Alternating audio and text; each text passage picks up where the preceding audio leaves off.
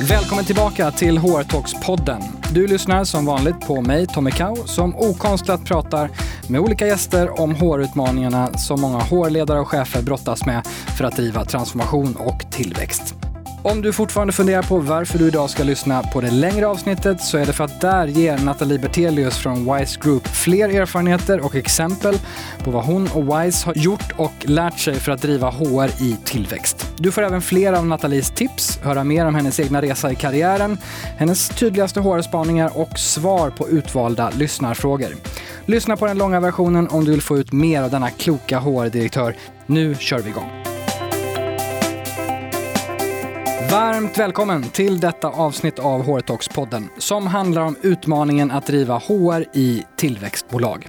Jag är otroligt glad och spänd över dagens avsnitt och gäst. För nästan varje dag läser vi om framgångsrika tillväxtbolag som ska bli nästa så kallade unicorns.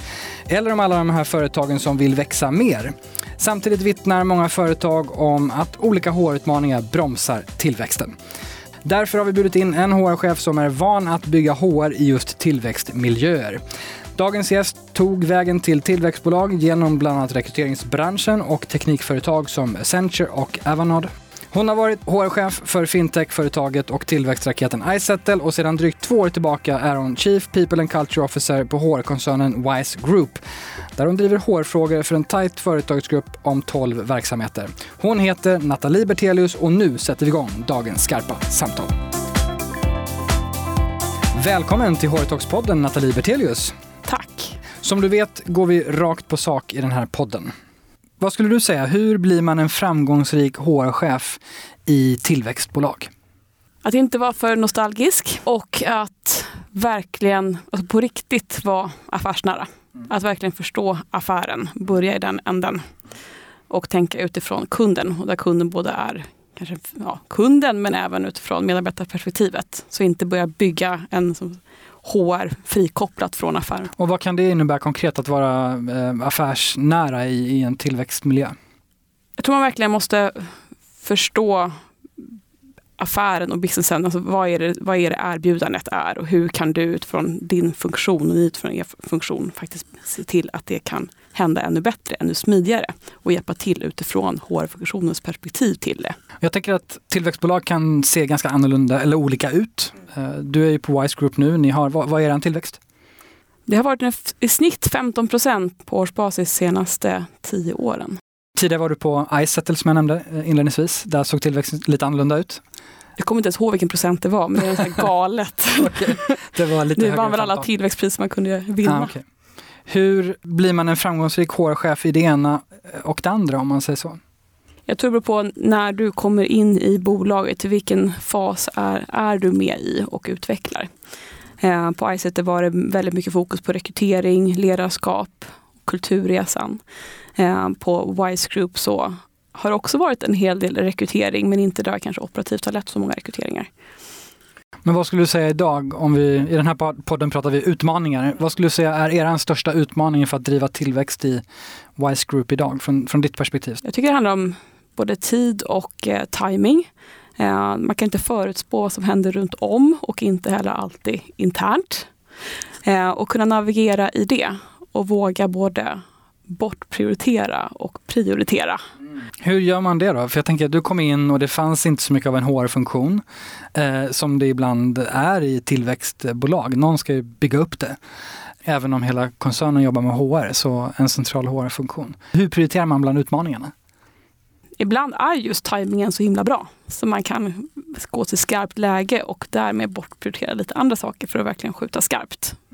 Och i andra fall så handlar det väldigt mycket om någonstans här mogenhet i organisationen, mogenhet i, i marknaden och kunna se till, igen, det här affärsnyttan i det. Vad kan vi få mest krämig effekt någonstans?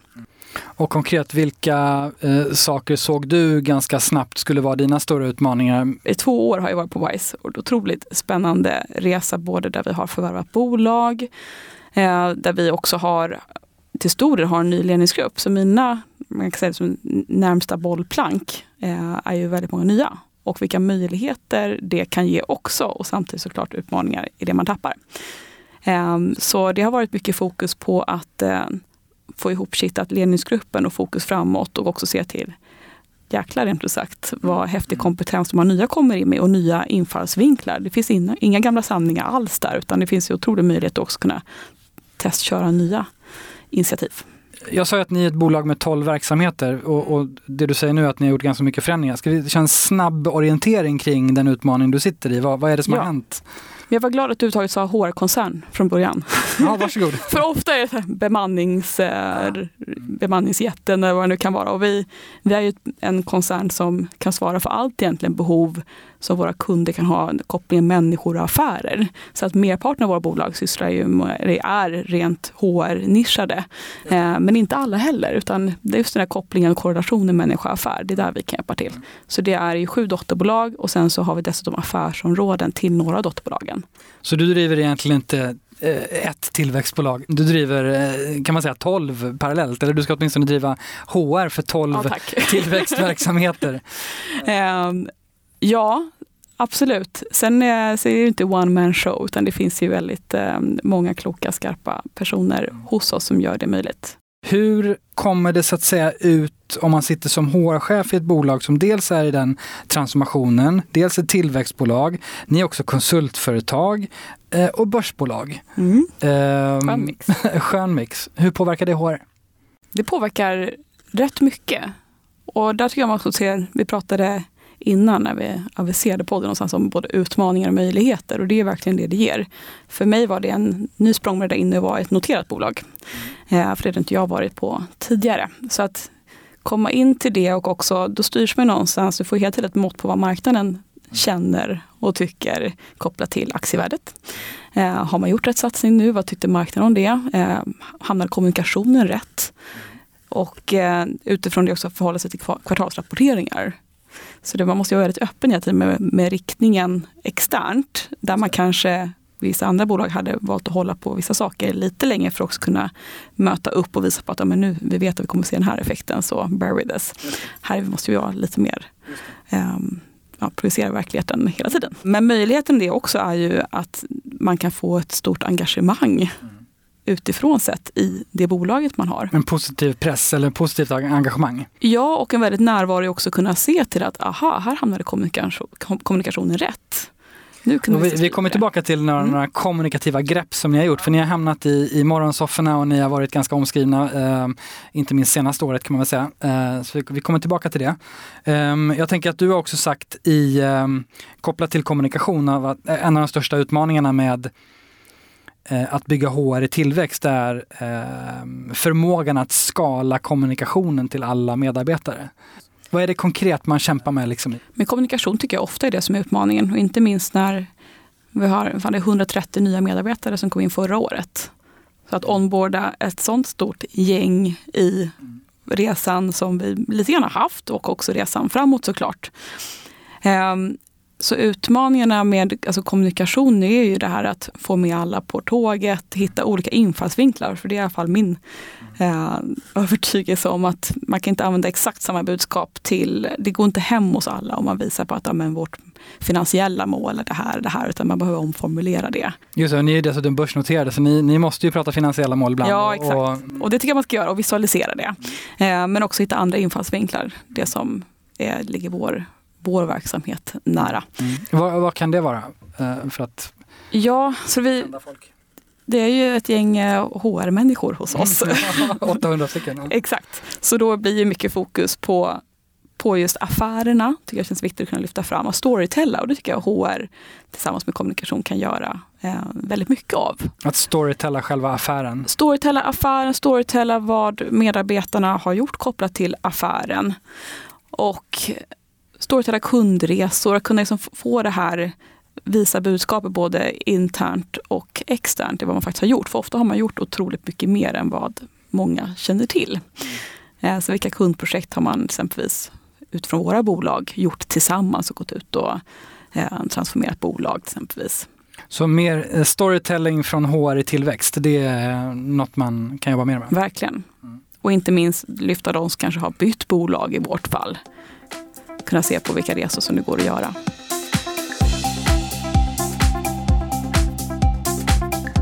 En annan sak som du har sagt är att um, för att man ska bli framgångsrik på en HR-avdelning så, så ska man ha en stark tilltro till företagets vision mixat med såklart kompetens för själva hantverket inom HR och sen en rejäl dos can-do attitude. Uh, det är kanske är det du visar nu med, med storytelling. Men hur kan det här ta sig uttryck? Att just se utmaningar som möjligheter det låter lite klyschigt. Jag tror att det är viktigt att ta den, det som andra kanske inte vill ta i, kanske precis det som du ska ta i och göra en grej utav det. Vi hade lite sånt med, eh, med GDPR. Och det var ärligt talat någonting som jag fick lite slängt på mig och så var man nyanställd på jobbet och kände att fick frågan, kan du råda det här med GDPR? Ja absolut! Jag tror jag hade en timeline på tre månader från början i flashigt Excel. Och, och mycket ambition och Blod, svett och tårar ett år senare. Okay. och långt ifrån den timeline man gjort tidigare så hade vi verkligen tagit helhetsgrepp om det och gjort det till en eh, kommunikativ vinst, ska jag ändå säga, eh, kopplat till att både vara först inom vår marknad på att säga hur vi, vår take på det och också kunna vara, vara redo utifrån våra vi har ju passion, kvalitet och tillväxt som ledord och det är ju verkligen någonstans kvalitet i att göra rätt för sig på de bitarna. Och, och det här är någonting som, som alla som lyssnar säkert kan förhålla sig till, alltså GDPR och den, det liksom eh, berget fina av minnen. fina minnen och berget av utmaningar som det, det innebar.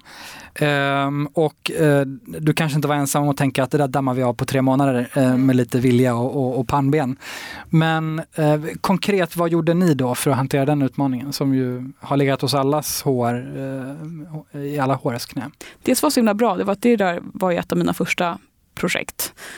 Och det gjorde att jag verkligen lärde känna verksamheten extremt bra och gav mig också touchpoints med många personer i vår organisation som jag kanske inte hade haft touchpoints med annars. Så det var verkligen på oavsett region och exakt funktion och eh, vi, hur länge man varit anställd. Liksom det, det där bara breddades ut och sen var det de som man verkligen kunde bolla om hur ser hantverket ut då? Vad är det man gör hos kund och vad, vilket ljus då faller på utifrån GDPR-lampan i det. Och jag kunde vrida och vrända och det vi också kunde göra var ju faktiskt hitta synergier i affären mellan bolagen. Jaha, ni gör så, okej, okay, då kan vi mappa upp och göra på det här sättet istället. För att ni var tvungna att liksom genomlysa allting ganska Det rejält. blev verkligen så det gjorde att jag verkligen kom in superbra i vår verksamhet, våra verksamheter och också kunde snabbt säga, men du borde prata med den personen och kunde hjälpa till med nät, ett större nätverk helt enkelt för våra medarbetare. Mm. Så GDPR blev eh, någonting som kastades i knät men också en, eh, en reell utmaning som det här, ert tillväxtbolag stod för och en bra, ett bra sätt att också komma in i i att förstå alla utmaningar i affären. Och vi hade ju 130 medarbetare nya på ett år. Och då kan man tänka sig, ska jag stå och mässa om GDPR varje gång vi har ny onboarding, vilket vi har kvartalsvis. Jag kände att den här pucken kommer jag behöva lämna över någon gång. Um, så det vi gjorde då var att eh, spela in en video. Men det var också för att hitta ett sätt att kunna ha lite e-learning kopplat till det, men också ett sätt för att kunna förklara för våra kandidater, våra kunder och medarbetare i ett format som kändes som att det här var lättillgängligt. Och när jag googlade på det så hittade jag väldigt lite kring det och verkligen ingenting nischat mot vår bransch. Så det kändes som att men här kan vi göra någonting. Och kanske inte så paketerat kan jag tänka mig. Nej, precis.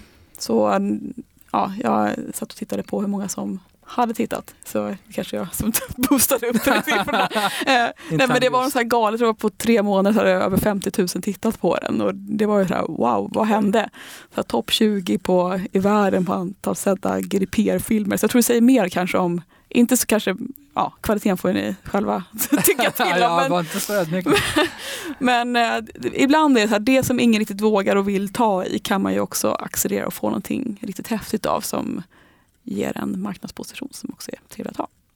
Just det här bolaget har ju vuxit under många år men just i tillväxtbolag där det kan finnas en del saker som ingen har tagit i som är eftersatta och så kommer, när vi pratade inledningsvis så sa du att ja, så kommer Jesus och ska åstadkomma allt det som alla eh, har, har väntat efter. Kan det finnas en del sånt? Absolut, så det att navigera i det också. Men där är ju, det var en ordentlig rekryteringsprocess och jag fick ju lära känna de som jag skulle jobba nära med. Eh, det var case och hela faderuttan så det var rätt bra pejl från början också på vad mitt uppdrag skulle vara ungefär. Så då får man ju en del saker att någonstans starta upp med. Och sen så är det omvärlden och det som händer internt också som påverkar vilken riktning ni tar sen. Och då har man ju ofta kommit så nära verksamheten att man kan navigera jättebra, eller navigera bra utifrån eh, utifrån de parametrarna. Du pratade lite om, i den här artikeln som jag refererade till, så sa du att man, man behöver mixa en del saker med just kompetens för hantverket. Eh, finns det någonting som du upplever att man behöver vara extra bra på för att driva HR-utmaningarna i tillväxtbolag om man kopplar till liksom HR-hantverket? igen lite så här vilken evolutionsfas, vilka runt omkring dig. För det blir väl ofta utmaningen beroende på när du kommer in. Att, eh, hur, hur själv är du eller vilket team har du runt omkring dig? Vilket typ av bolag är det? Eh, nu sitter jag ju på inom en HR-koncern. Där finns det, det finns hur många duktiga specialister som helst. Men där kanske det mer handlar om att eh, sondera och att hitta gemensamma nämnare och kunna understödja det. Så där tycker jag mer det handlar om flexibiliteten. Eh, att faktiskt kunna axla olika delar och inte vara så rädd för att lära sig lite nytt. Eh, För sällan kanske man kan allting hur bra som helst. Men kunna dra nytta av, vi, håller, vi är ju förvärvsintensiva, så det är som att kunna de bitarna och kunna göra HRDD och den biten är ju superspännande tycker jag. Spännande. Så gotta sig lite i det man själv också vill lära sig mer om och att eh, eh, och att dra nytta av erfarenheter man har haft. Jag tänkte gå tillbaka till en reflektion på det du sa tidigare, att, att just det här med att vara på börsen. Att jag tänker att ett, eh, om man jobbar med HR i just tillväxtbolag så jag menar hela poängen utifrån en marknadsekonomi är att du säljer in en förhoppning om det som ska hända eh, framöver. Det är så aktiemarknaden fungerar om man ska vara jätte, jättekrass, att man eh, värderar utifrån potential och så vidare. Eh, och eh, det handlar så mycket om HR-frågor mm. i tillväxtbolag. Nu är det extra mycket i ert fall för att allt ni säljer handlar om, handlar om HR. Men hur, hur um, den utmaningen som HR, att klä i sig rollen som eh, ja, aktiemarknadskommunikatör eller vad man ska kalla det. Mm. Jag tycker att det är det som är, kännetecknar eh, någonstans HR tillväxt och HR generellt nu. Att det kan inte bli för inåtblickande. Inte och nu är det mycket, och nu är det mycket så här HR och HR och HR och HR och man umgås med HR och det är HR. Vi har infört nu, eller det är bara under en viss period, där vi blivit in riktigt intressanta eh, personer från andra branscher som inte jobbar med HR och också kunna se på alla synergier som det också finns där. Det finns så mycket likheter. Eh, sen var det lite off track från kanske din fråga. Nej men det är å andra sidan ett konkret, för, eller berätta mer om det. Varför bjuder ni in dem och i, hur då? Eh. Det här är egentligen eh, jag har infört något som heter inspirationsboost eh, frukost. Där så testar vi ibland att köra experiment, köra med lunch, vad händer då? Mm, okay. Men utifrån en innovationstävling får man ändå säga att det är. Vi kallar det för WISE Pilots. Och som det, ni har, en innovationstävling som ni har Precis, internt. och den är internt riktad utifrån den här lite strategi 2.0 som jag lyfter på locket här för er mm. lyssnare mm. kring. Mm, mm. Så kopplat till det, just det här med hur kan vi bli ännu mer utav en, eh, vi är ju transformationspart, men hur kan vi ännu bättre samarbeta mellan dotterbolagen? Eh, innovation i både små in och stora in som vi kallar det för. Eh, just för ja, vad menar du med dem? Ja, men just kunna forma innovation, för det är att hitta vokabulär det blir så himla lätt att man tänker att det är nya iPhone som man ska komma på. Det är så Steve Jobs eh, på piedestal. Eh, Nivåer av innovation? Ja, och där tycker jag också det är, så här, det är en mottagarorganisation som alltid behövs kopplat till innovation för att det ska bli någonting av alla idéer. Och också kunna forma någonstans och tratta in, vara lite strukturerad när det kommer till innovation tror jag är bra. Så någonstans att forma det till att vi söker in, innovationer eller idéer, det är eh, kopplat till vår strategi och det är bam, bam, bam, de här frågorna någonstans. Så det är ramar men lösa sådana så att man också kan tratta in att nu får vi idéer precis i linje med vad vi, vad vi söker efter. Och, och vad kan det vara rent eh, konkret? när vi pratar om lilla i och stora i, och det är cred till Leif Denti som vi har lärt känna mer och mer inom WISE, som kommer från, från forsk, eh, forskarsidan. Okay. Mm. Um, så är det, det är, det är begrepp som finns universellt, men just till lilla i så handlar det mer om det som kanske är mer utvecklande innovationer och stora i är mer revolutionerande, disruptiva. Steve uh, innovationerna. Ja, de här det. som alla vill och ofta får cred för. Ah, för okay. vi pratar om internt också, att det blir så lätt att det är det som man höjer och, och storytellar tillbaka till det kring. Men också att hitta det här med, det är de små ina som ofta har en mycket enklare genomförbarhet och många små in blir ju ofta någonting större. Så att hitta, det kan ju vara allting från man Um, hur man utvecklar en befintlig process eller befintligt system eller um, befintlig kundnytta till att man positionera sig gentemot en helt ny marknad skulle kunna vara de stora innovationerna. Så en utmaning egentligen i, i tillväxtbolag att se till att hylla och storytella den lilla innovationen så att säga. Att det inte bara är Steve Jobs-innovationerna man ska driva och bygga sina program för utan som ska engagera medarbetarna utan man måste bygga det också utifrån det lilla för annars så och engagera alla medarbetare. Ja. För jag tror det är väldigt många som inte känner igen sig och känner att det där hoppar jag att äh, lära mig mer om kanske för det känns inte som jag att jag ska komma på den här och den här idén av den. Nej, precis. Um, men att kunna ha att ha en kultur som främjar innovation men också kunna prata om det utifrån att det är lika kreddigt att komma på de mindre som de större kanske idéerna. Och kunna visualisera det. Det tror jag väldigt mycket på. Och här känns det som att, eh, om, man, om man får hård generalisera, men, men som, som eh, många tillväxtbolag verkligen vill eller försöker och jobbar med, att se till att hela tiden generera nya idéer, hitta både det här i, det lilla och det stora. Eh, och de, eh, det är en del av nästan kulturbyggandet och employer brandingen för den delen. Men du nämnde då som en del i det här att ni gör någon form av innovationstävling. Hur, hur, eh, om du vill dela med dig, hur konkret har ni satt upp den? Det blir ännu mer eh, spännande om jag backar bandet lite mer tror jag. Eh, vi gillar att prata om antipilottestning också. Och det Antipilottestning? är viktigt i tillväxtbolag. Okej, spännande. Vad är kan det inte bara lägga till, för då finns det inte så mycket tid till att göra saker. Ah, okej. Prova att ta bort något ibland. Mhm. Och ser, du kan ju, då testar du att ta bort någonting under en viss period och ser vad hände. Saknar man det där? Eh, har man tappat effekt? Om inte, skit i det. Vad kan det vara? Som man plockar, vad har ni plockat bort? Vi plockar bort vårt eh, talangprogram. Okej. Ja, Ja. dels har vi pratat mycket om självledarskap som många andra bolag också gjort och vi har haft eh, faktiskt en training för två dagar för alla våra medarbetare i det. Det var traditionellt sett mer I chefer kopplat till ledarskap och sen så har vi bryggt över det egentligen till att ha mer eh, självledarskapsfokus. Och då är det mycket kring feedback, prioritera, så det är hållbarhetsaspekter mycket utifrån det. Eh, Men det som hände sen var att vi har eh, två år kört ett program som vi kallar för Greenhouse där vi har lyft fram en till två personer från varje dotterbolag som har tänkt då kunna ta successionsled framåt som inte har varit chefer ännu. Det vi märkte däremot att det är fantastiskt duktiga individer. eh, Men det är ett svulstigt program som ska löpa parallellt med det vanliga jobbet. Och det vet vi alla att man kanske inte jobbar 40 timmar i veckan utan det kan bli mer. Och att då kunna ha det här vid sidan av, blev, det, blev, det blev mycket tryck på det. Eh, Men också utifrån att det, känd, det kändes lite gammalmodigt att känna att men då har vi 10 personer av 470 eller 480 personer som får gå det här.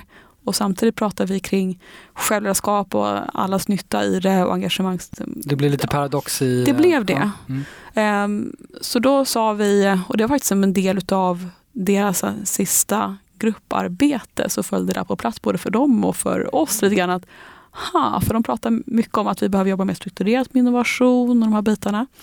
Ehm, och de lyfte just självledarskapet och de, ja. Så de Så avvecklade sig själva. Ja, de blev faktiskt lite paffa men de, Ja. men de var också verkligen med på tåget. i Att, ja, men spännande och de fick också vara med att eh, se över det som nya som vi har infört. Och som också är så här, det är inte säkert att vi kommer att ha det för all framtid. Utan nu testar vi det här. Wise Pilots kopplat till också strategiutvecklingen vi har. Och allas delaktighet i det. För det blir både en kommunikativ plattform för den tillsvetsade strategin. Eh, men också att alla ska verkligen kunna få vara med att eh, pitcha in till den. Och då Wise Pilot, vad innebär det då? Vad är det man får göra som medarbetare för att vara delaktig? Vi har valt ut en, en, en relativt bred frågeställning eh, och faktiskt också tagit hjälp av eh, vår gode vän Leif numera också. Så det är han och jag som suttit och utvecklat mer hur det skulle kunna se ut. Man får utifrån aspekten också. Eh, men en rätt så bred frågeställning kopplat till vår strategi och sen så har vi lett in lite på rätt väg för att kunna belysa utifrån våra värderingar mer kopplat till starting points. Så tre olika egentligen där man, så att, som någonstans kan tilltala alla mer eller mindre beroende på vilken starting point det är. För att kunna tänka kring, aha, men om jag börjar tänka på det här, vilket problem ska vi lösa kopplat till en viss sak? Ah, att kunna komma med idéer till det. Spännande. Så det här är, eh, och du kopplar det här till det du sa, strategi 2.0 som vi inte ska eh, redogöra här för vad den Ja. är, men det finns eh, i alla fall en, en tydlig koppling. Och innovationsarbete, vi pratar ständigt lärande, pratar väldigt många om. Att få till det, att, att öka takten i lärande och öka takten i idégenerering. Och det behöver ju inte riktigt HR alltid äga heller tänker jag. För det där tycker jag sker väldigt mycket genom att ge, jag gillar nudging, man pratar om det, kunna hitta lite sån här puffs och knuffs. Eh, puffs och knuffs, ja. Utifrån att kunna, man behöver inte ge allting på ett silverfat, men att kunna antipilottesta något kan ju ge mer tid till någonting annat. Att kunna eh, driva trafiken till, till ett visst våningsplan i huset. Eh, vi sitter på sex olika våningsplan i Stockholm exempelvis. För att kunna få personer att mötas, serendipity-tänket. Mm. Mm. Nudging. Hit, nudging och hitta olika plattformar för personer att mötas och därmed kunna utbyta kunskap. Så det behöver inte vara biositting och eh, sändning från en person utan Nej. att det händer där. Med serendipity-tänket, det gillar jag. Och för de som inte har koll på serendipity-tänket, vad ja, det? Sorry. Eh, nej, men att genom nudging, genom att tillföra någonting, att eh, flytta på någonting. Jag, kommer, jag, tycker det, jag tycker det är kul, eh, som apropå Steve Jobs då, men han var ju rätt klok. Så när, han, han körde Pixar innan Apple också. Så där hade han eh, flyttat alla, alla toaletter och kaffemaskiner låg en viss del utav mm. byggnaden. Så att alla var ju tvungna, det var en det var ju riktig trafik till det stället. Så då träffades team från oli- eller personer från olika team mm, automatiskt spännande. kring det. Du har tidigare sagt också att, att i tillväxtbolag så är det extra viktigt att utveckla eller crafta skräddarsydda processer för varje verksamhet man jobbar med eftersom det ser ganska olika ut. Eh, och sen så helt, helt enkelt anpassa dem när det behövs. Att vara lite mer liksom, flexibel och du pratade om agilt mindset och så vidare. Hur gör man det för för 12 verksamheter då? Att just eh, att hitta vissa delar ser vi som koncerngemensamma, det tummar vi inte på. Det kan vara sättet vi ser på, på ledarskap, i hur vi tänker kring som hållbarhet. Vi har en, en eh, devis som är modigt och mänskligt, för vi gör etiskt rätt för oss, för att tänka hela cirkeln. Um, men sen är det ju väldigt mycket, och vi har våra tre ledstjärnor. Men utifrån det får dotterbolagen och bolagen i övrigt göra väldigt mycket vad de själva känner för som passar i deras. För de är ju jätteolika evolutionsfaser också. Och olika storlekar, finns olika representation i olika städer och länder. Mm. Så jag tror på ett stort mått av flexibilitet i att man får vara intraprenör och entreprenör i sina bolag. Och det är också så som våra, många av våra verksamheter har vuxit organiskt och de här affärsområdena har blivit till. Det har varit ambitiösa, drivna eh, idérika personer som har kommit med ett koncept och sagt det här vill jag göra, får jag köra det? Det är en del av kulturen också. Jag ville komma tillbaka till det kommunikativa för att när jag sa att ni hamnar i morgonsoffan och sådär så, så ni har gjort en del grepp som har fått en del eh, eh, uppmärksamhet som också slår an på ganska konkreta utmaningar. Ni gjorde en insats förra året, eller ett initiativ eh, kopplat till förmåner. Eh, berätta vad ni, vad ni gjorde för de som inte har hängt med och kanske liksom exakt hur ni liksom kom igenom det där? Det var gärna med tid och timing och bortprioritera lite andra saker för att kunna göra det här. Um, och också kunna få gensvar från uh, jättehärliga kollegor och en väldigt härlig chef som sa go for it. Uh, och det var egentligen något som vi döpte till karensbidrag. Men då var också tajmingen utifrån att jag läste någonstans att regeringen avskaffar karensdagen. Då tänkte jag, varför har man inte hört mer om det här? För det blir ju en jättepåverkan för alla bolag i Sverige. Och karensdagen för de, ja, ni tittare som är mycket HR-folk vet precis vad det är, men att man inte får betalt första dagen. Um, och när jag läste, då läste jag hela fulla artikeln och um, ja, promemorian från, från regeringen, regeringen. Och det, vi räknar också på det. Jag satte mig med eh, vår duktiga löneavdelningen och som drog lite snurror och sa, men påverkar det här oss egentligen? Och det var rätt svårt att se. Men nej, det gjorde det inte. Så det är egentligen de som jobbar var, väldigt varierat med antal timmar per dag, sjuksköterskor till exempelvis. För dem blev det bättre med det här nya karensavdraget som infördes här 1 januari år 2019. Eh, men för övriga så blir det egentligen ingen skillnad alls, bara ett nytt namn på lite nya räknesnurror. Och det är att man då fortfarande inte får någonting betalt den här första dagen. Och då kändes det ju fräscht. Jag tänkte, varför har vi det här? Och det var också intressant för då googlade jag, var, varför har vi det här? Ja, mm. regeringen införde det 93 tror jag var. För att få ner, ja, få ner kostnader egentligen mm. för, eh, för sjukfrånvaron. Mm. Och tanken redan då var att det skulle inte drabba en viss arbetsgrupp mer än andra. Och därför blev det nu karensavdraget som ju är jättebra för de som jobbar oregelbundna tider. Um, men det kändes uh, som rätt timing Också ska inte sticka under stol med PR-mässigt och säga att nu kommer vi med karensbidrag när regeringen inför karensavdrag. Men också så rätt när man tänker på det. Eller hur? Alltså, varför bli av med allt första dagen och sen så är det från det 80 procent eh, två veckorna. Istället för att kunna ha tillit till medarbetarna. Vi har jättefint eh, engagemang i vår koncern. Det finns ingen anledning att misstänka att folk skulle missbruka det här. Dessutom är många provisionsstyrda och det, det är som ingen annan som gör jobbet, eh, som gör allt jobb åt dig. För så kan det vara i vissa bolag, att ja, men då kan du enkelt ta in någon annan. Men här finns det ett ägarskap gentemot kunden, kandidaten, eh, vem man nu har som motpart. Så därför så tog vi beslutet att eh, där skrotar vi på riktigt. Så ni, man får betalt eh, även första dagen när man är sjuk? Man får 80 procent även första dagen. 80%, så det blir ja. en extra 80-procentig dag helt enkelt. Ja, just det. Och det här gör ni också för att, eh, som sagt, ni, ni, ni säljer kompetensen som medarbetarna har när de är hemma och är sjuka. Eh, men också att man, eh, ni analyserade att många går till jobbet även om de är sjuka. Ja, så det är också ett sätt att minska sjukfrånvaron, eller sjuknärvaron. Förlåt. Ehm, och också ett sätt för, inte bara HR, men för, för businessen att kunna se till, kunna lättare se också sjukdomsmönster och kunna eh, finnas där för en person som kanske regelbundet är, är borta mycket. Um, för nu är det ju faktiskt så i kära Sverige att man får ju inte karens, um, man drabbas inte av karensen om man, är, om man vabbar exempelvis. Tar man semester får man ju 12% extra till och med för den dagen. Är semesterersättning. Så det är så många olika, helt på något sätt, för många okej sätt också, uh, att komma runt det. Och då befläckar man ju lite statistiken också för att kunna se till att man som bolag kan hjälpa upp där det behövs. Men jag tycker det är väldigt, och det, ni har ju fått väldigt mycket positiv eh, beröm och, och så feedback på det här, men att det är väldigt fräscht i termer av hur bygger man en, en, en sund kultur i tillväxtbolag där man vill att folk ska ja, men kunna gå eh, minst på sin fulla kapacitet, helst mer, för att man har så mycket att göra. Fräscht att slippa sjuka kollegor på jobbet. Ja men exakt fräscht på riktigt. Mm, precis, och det vet vi som har småbarn att det, det, är bra om folk som är sjuka stannar hemma. Yeah. och det var många eh, tidningar som just plockade upp det här med, för jag har sagt att just det där med att det, det upplevs i många fall heroiskt i Sverige att vara sjuk. Det är det här att host, host, jag är på jobbet ändå, vad duktig jag är. Och få bort det där, det är en kulturförändring som känns fräsch. Mm. Spännande, det ska bli kul att följa och ja. se. Ni ska forska på det också ja. och ni ska följa med data och sådär. Vi får och se. Men... till Göteborgs universitet så kommer jag på till att forska. Just det. Så det är inte vi själva som forskar Nej. själva.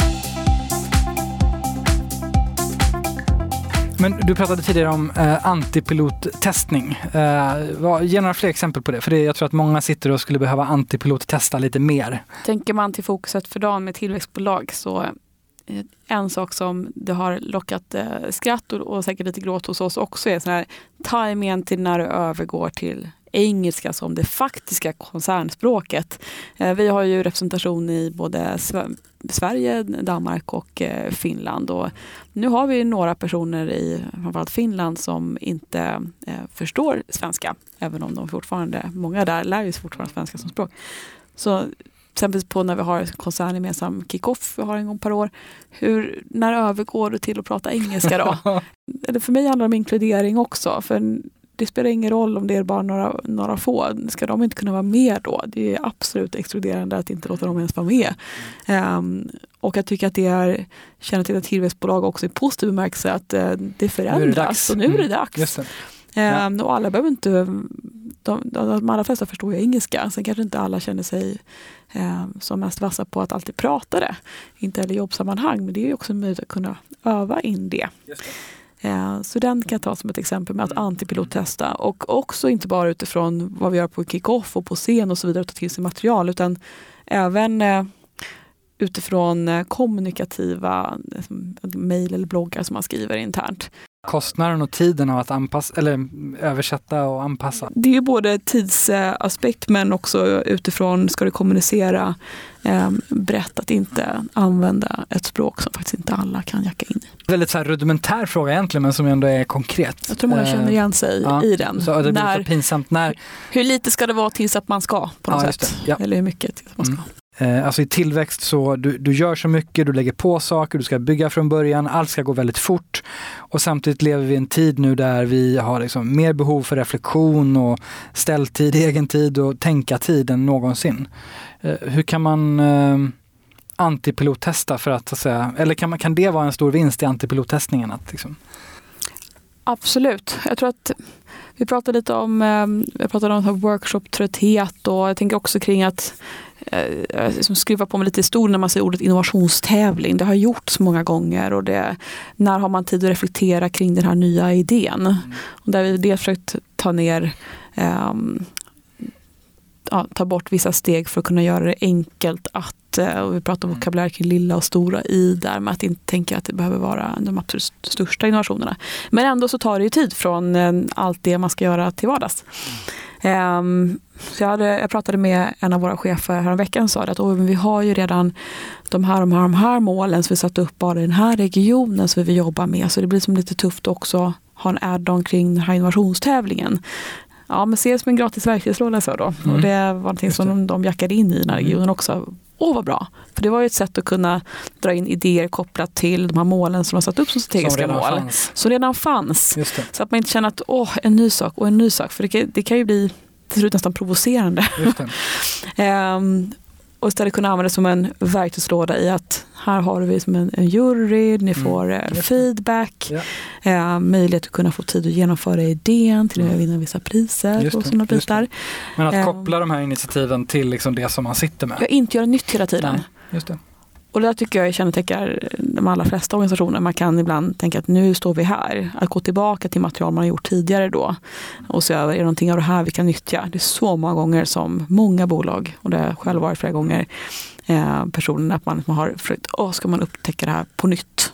Vi eh, ska försöka summera lite kring eh, utmaningen att, att bygga HR i tillväxt. Väldigt mycket om att eh, välja bort vad sa, antipilottesta. Ja. Du pratar också väldigt mycket om att ligga extremt nära verksamheten och där tog du ett här, tråkig kontext men ändå GDPR som var liksom ett, eh, ett alibi kan man säga för dig att lära dig verksamheten väldigt, väldigt väl. Um, vad kan man säga mer att vi har pratat om? Vi pratade om att um... Ja, man ska någonstans summera så jag tror faktiskt det var våra grundare som någonstans myntade affärsnära HR, så går ryktet. Ehm, men överhuvudtaget eh, affärsnära utifrån att faktiskt förstå verksamheten. För jag tror ibland att man svänger sig lite mer med att man är affärsnära och HR business partner och olika namn på det här. Ehm, men jag går i alla fall igång på när man verkligen förstår kundens utmaning och är med på som från HR stötta upp i riktningen framåt utifrån verkliga affären. Och jag tycker det är både där nu och på tidigare bolag så är det ofta där att om man någon gång går vilse, man märker att ja, men nu börjar vi prata väldigt mycket internt och det var andra utmaningar. Att man går, går tillbaka till varför finns vi? Vilket, vad är det vi svarar för gentemot marknaden utifrån kundens behov? Och samlas kring det igen. Och där kan HR hjälpa till kommunikativt. Vi eh, ska gå vidare till eh, nästa del då eh, handlar det om att helt enkelt skicka med lite tips, råd, reflektioner till den som lyssnar kring dagens tema.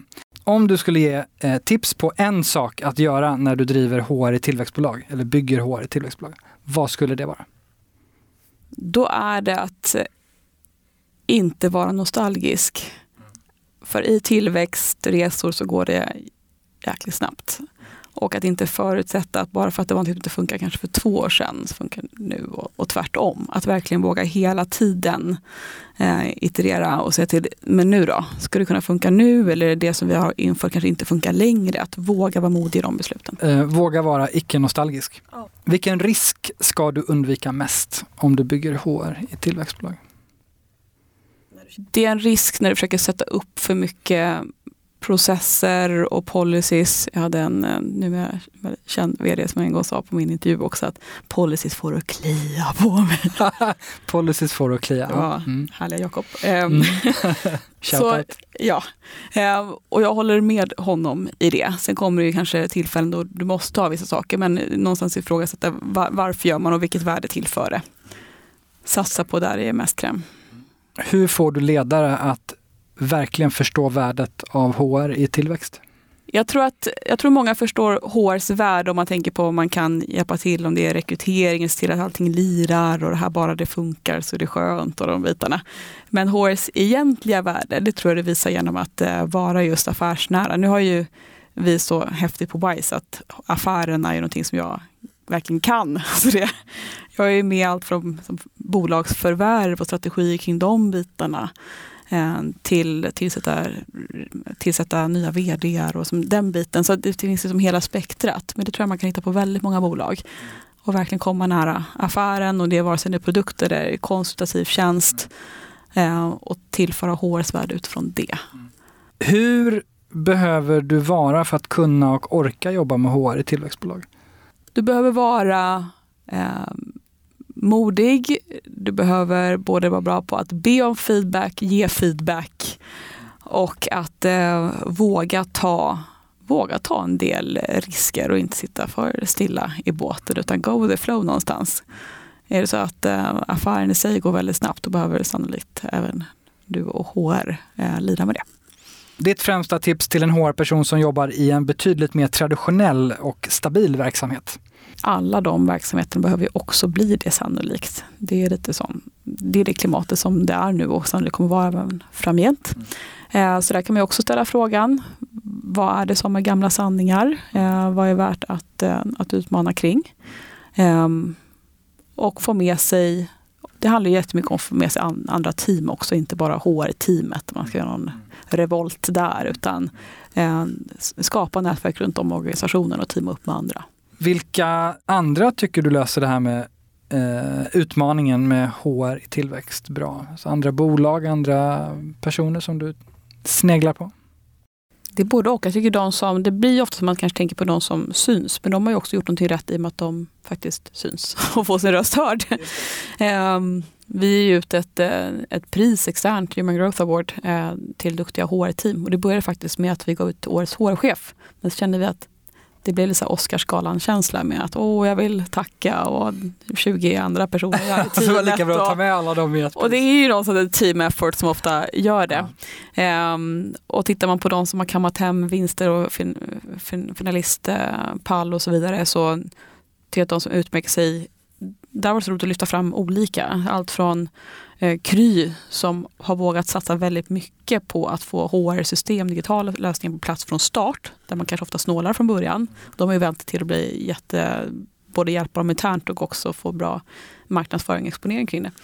Eh, men också Gröna Lund som tidigare för mig var med ja, nöjesfältet och sen ser jag till att de har så många säsongsarbetare. Eh, och hur många det är som faktiskt återvänder utav dem, vad de gör kring mångfald, vad de gör kring eh, att locka fler kockar till yrket, möjliggöra. De har ju hela parken stängd under eh, större delar av året, men de har ändå restaurangkök. Så kunna ha kockskolor där när tivolit ändå är stängt. Det är häftigt. Så det inspirerar eh, och det är väldigt kul att få lyfta den typen av organisationer. Så allt från tivoli till eh, medtechbolag till eh, Spotify som vågat verkligen eh, positionera sig och också gjort det till, eh, till en internationell satsning, vilket de har fått kanske allra mest cred för. Mm. Inspo finns lite överallt. Sist, vilken bok ska man läsa eller lyssna på för att fördjupa sig mer i dagens ämne? Jag gillar TED Talks. Adam Grant ska jag faktiskt eh, Adam tipsa. Grant. Ja, jag tycker han är härlig. Men han har ett sätt att retoriskt få fram det han eh, berättar om på ett väldigt härligt sätt. Han pratar om procrastinate kika på det. Kika eh, Adam Grant, ja, TED-talk. Exakt. Mm, Youtube. Och det är, bottnar någonstans i eh, creative thinkers, vad det är som gör det. Och man kanske tänker att det, han tittade någonstans på att det finns en, eh, en fördel med att du kanske börjar tänka snabbt men du blir inte klar så snabbt. Det är liksom ah, den här okay. tänkandets process någonstans mm. i det. Spännande. Och, och, och vad entreprenörer besitter. Du har ju gått från en magisterexamen i PA från Lunds universitet till Wise Group. Vad tycker du har format dig mest? Då skulle jag, då skulle jag säga det som eh, någonstans ändå är hyfsad närtid och det är eh, det är möjligheter som ger möjligheter, det är så man någonstans kommer vidare. Ehm, um, Icetter var ju superspännande och eh, började där som, som första HR-chef och ärligt talat så jag kände inte till Iset vid varumärke riktigt innan. Men jag kunde se på att det här är ett spännande bolag som backar upp det. Eh, fick jättebra känsla för de som jobbar där. Och för mig att kunna växa upp och växa, växa mig i det också. Och sen så komma in i den här nya kontexten med WISE med alla olika sorters bolag och också tillväxt men på ett annat sätt. Um, och någonstans nu kunna få väva ihop eh, det jag har lärt mig tidigare med både produktbolag och konsultbolag och också blicka in det här mot den noterade marknaden som också spännande. Och du är ju ganska eh, välkänd får man säga för resan på iSettle. Eh, men om du så här med lite perspektiv får blicka tillbaka, vad, berätta om, om, om resan du gjorde där utifrån ett HR-perspektiv.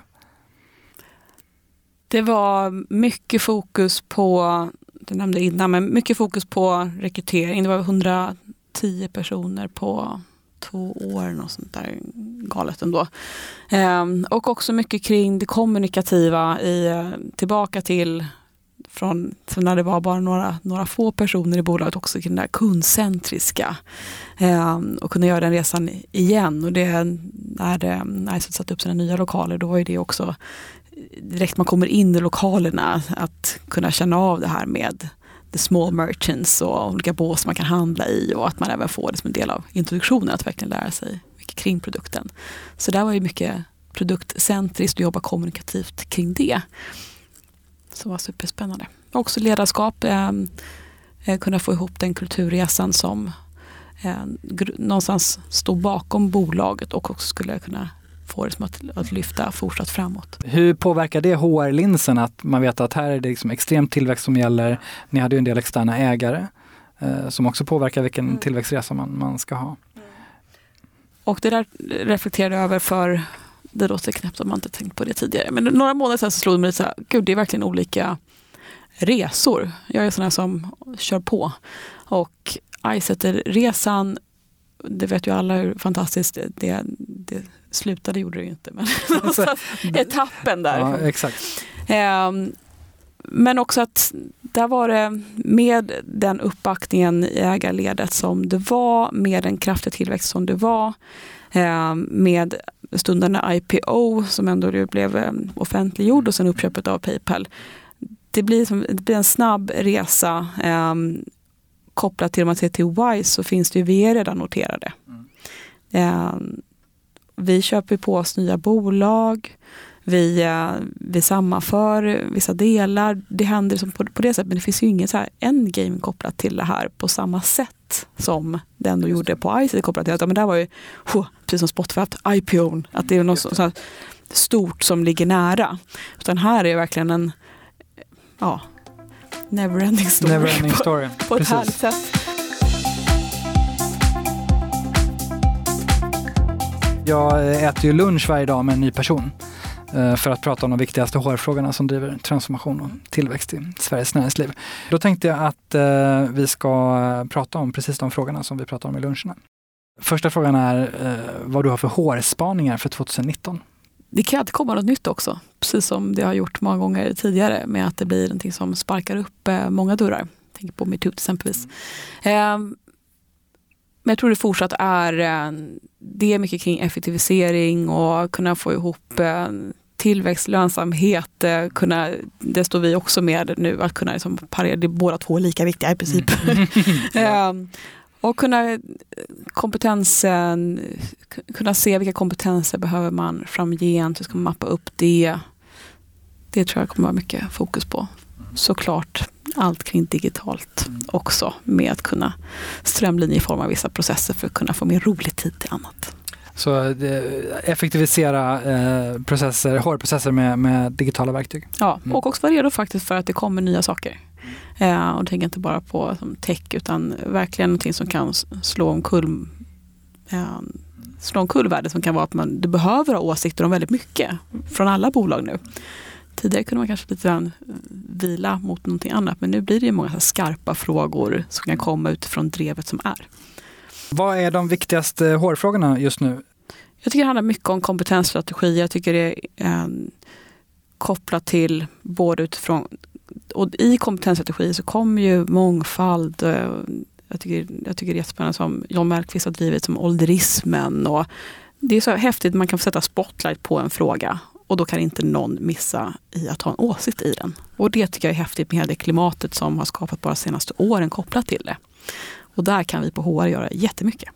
Så jag säger det igen, just det här med eh, det är ett ansvar som både bolagen och världen någonstans också har kopplat till att hur gör vi med, med alla människor kopplat till digitalisering är superspännande och det kommer hända jättemycket inom det. Men vad gör man då utav människorna kopplat till det? Hur kan man reskilla? Hur formar det? Eh, vilka strategier behöver eventuellt förändras för att kunna jacka in i det? Vad är din bästa HR-idé? Bästa HR-idén skulle jag säga är att igen där faktiskt med, med Spotlight och kunna se vilken makt låter hårt, men vi har ju faktiskt det. Mm. um, och kunna just rikta Spotlight kring de frågorna som, som berör och påverkar i det större. Mm. För det har vi makten att kunna göra. Mm. Kopplat utifrån våra funktioner, men nu ännu mer kopplat till data vi kan påvisa. Um, och kunna mäta ut efter det också. Så ta rollen och sätt spotlight på de stora frågorna som mm. driver stor påverkan. Få mer och mer spotlight på HR, så också kunna nyttja det. Vad vill du kunna belysa när du har den tiden i limelight? Okej, tack för dessa spaningar. Då har vi kommit till lyssnarfrågan. Det funkar så att eh, några dagar innan inspelningen så flaggar jag upp ämnet och profilen som gästar eh, avsnittet. Om som man följer HR Talks-podden på Instagram eller mig, Tommy Kau på LinkedIn, så kan man kommentera där. Och det här blev ett superhärligt gensvar. Och då tänker vi att vi hinner svara på en eller två frågor nu och resten lägger vi ut som extra material efteråt. Den här frågan är från Helena Sjöberg. Bästa tipset hur denne någon fått HR-frågor att bli people-frågor, det vill säga förflytta ägandeskapet ut i linjen. Jag tror igen att man kan ge vissa ramar, men HR behöver inte göra allt. Och det handlar om eh, tillit också. Så mer med, eh, vad säger man, med medarbetarskap kopplat till HR-frågor också. Vi hade en styrelserepresentant eh, på, som kom över här, här veckan och sa att det, det finns någon form av workshop-trötthet numera. okay. Och hon sa att det, vi måste låta medarbetare göra mer av det som ännu tuffare frågor och kunna få workshoppa kring det. Så jag tror någonstans att höja nivån, allt från ledningsgrupp till vad att, att inte låta för, för mycket operativa frågor fastna där men också kunna höja strategiska nivån kopplat till våra medarbetare, vad de ska kunna få hjälpa till med. Så skjuta ut frågor som är egentligen större och större frågor eller tuffare och tuffare frågor? Absolut. Som verkligen aktiverar? Och utifrån tillväxt också, det går snabbt. Mm. Så då kanske du inte har tid att svara på alla frågorna själv. Och framförallt är den inputen du får från organisationen säkert extremt viktig. Vad kan, vad kan det vara konkret som man skickar, om vi ska svara Helena? Eh, ja, det är ju från eh, innovationstävlingen. Det finns många olika sätt att göra det på. Vi försökte göra en innovationstävling innovativ. Mm. Eh, Bra. och det tycker jag ändå vi har lyckats med. Ehm, så som kunna hitta sätt att få ut budskap men också låta hela verksamheten vara med att forma mm. dem och kunna jacka in i dem och komma på nya idéer. Då släpper vi fler svar på lyssnarfrågor i extra materialet eh, som man kan lyssna på separat. Tack så mycket för lyssnarfrågorna. Vi ska avrunda. Eh, finns det någon utmaning som du tycker vi borde prata mer om i den här podden? Det är väl att lyfta de goda exemplen men också lyfta det som har gått eh, mindre bra och komma på det här skarpa läget precis som du har för avsikt att göra i de här poddarna. Ehm, så i vissa fall kanske gå mer allmänt och i andra fall gå mer specifikt det finns ju många initiativ som man känner till eh, på vissa bolag. Och hur, hur kom de fram till det? Och jag tycker ofta det som man vill lyssna på som, som lyssnare. Gå konkret på det. Vad ledde Zooma fram in på ännu fler konkreta ja. initiativ. Ja. Spännande. Och finns det någon som du tycker vi borde bjuda in som gäst i podden? Men då säger jag Ida Trojve från eh, Gröna Lund eller någon från hennes team. behöver inte ens vara hon. De har gjort otroligt skarpa gärningar får man ändå säga. inte minst kopplat till, till inkluderande och, och mångfald. Okay. Tack så jättemycket för tipsen. Tack. Nathalie Bertelius, tack för att du ville vara med i Tack snälla. Tack lyssnarna för bra frågor.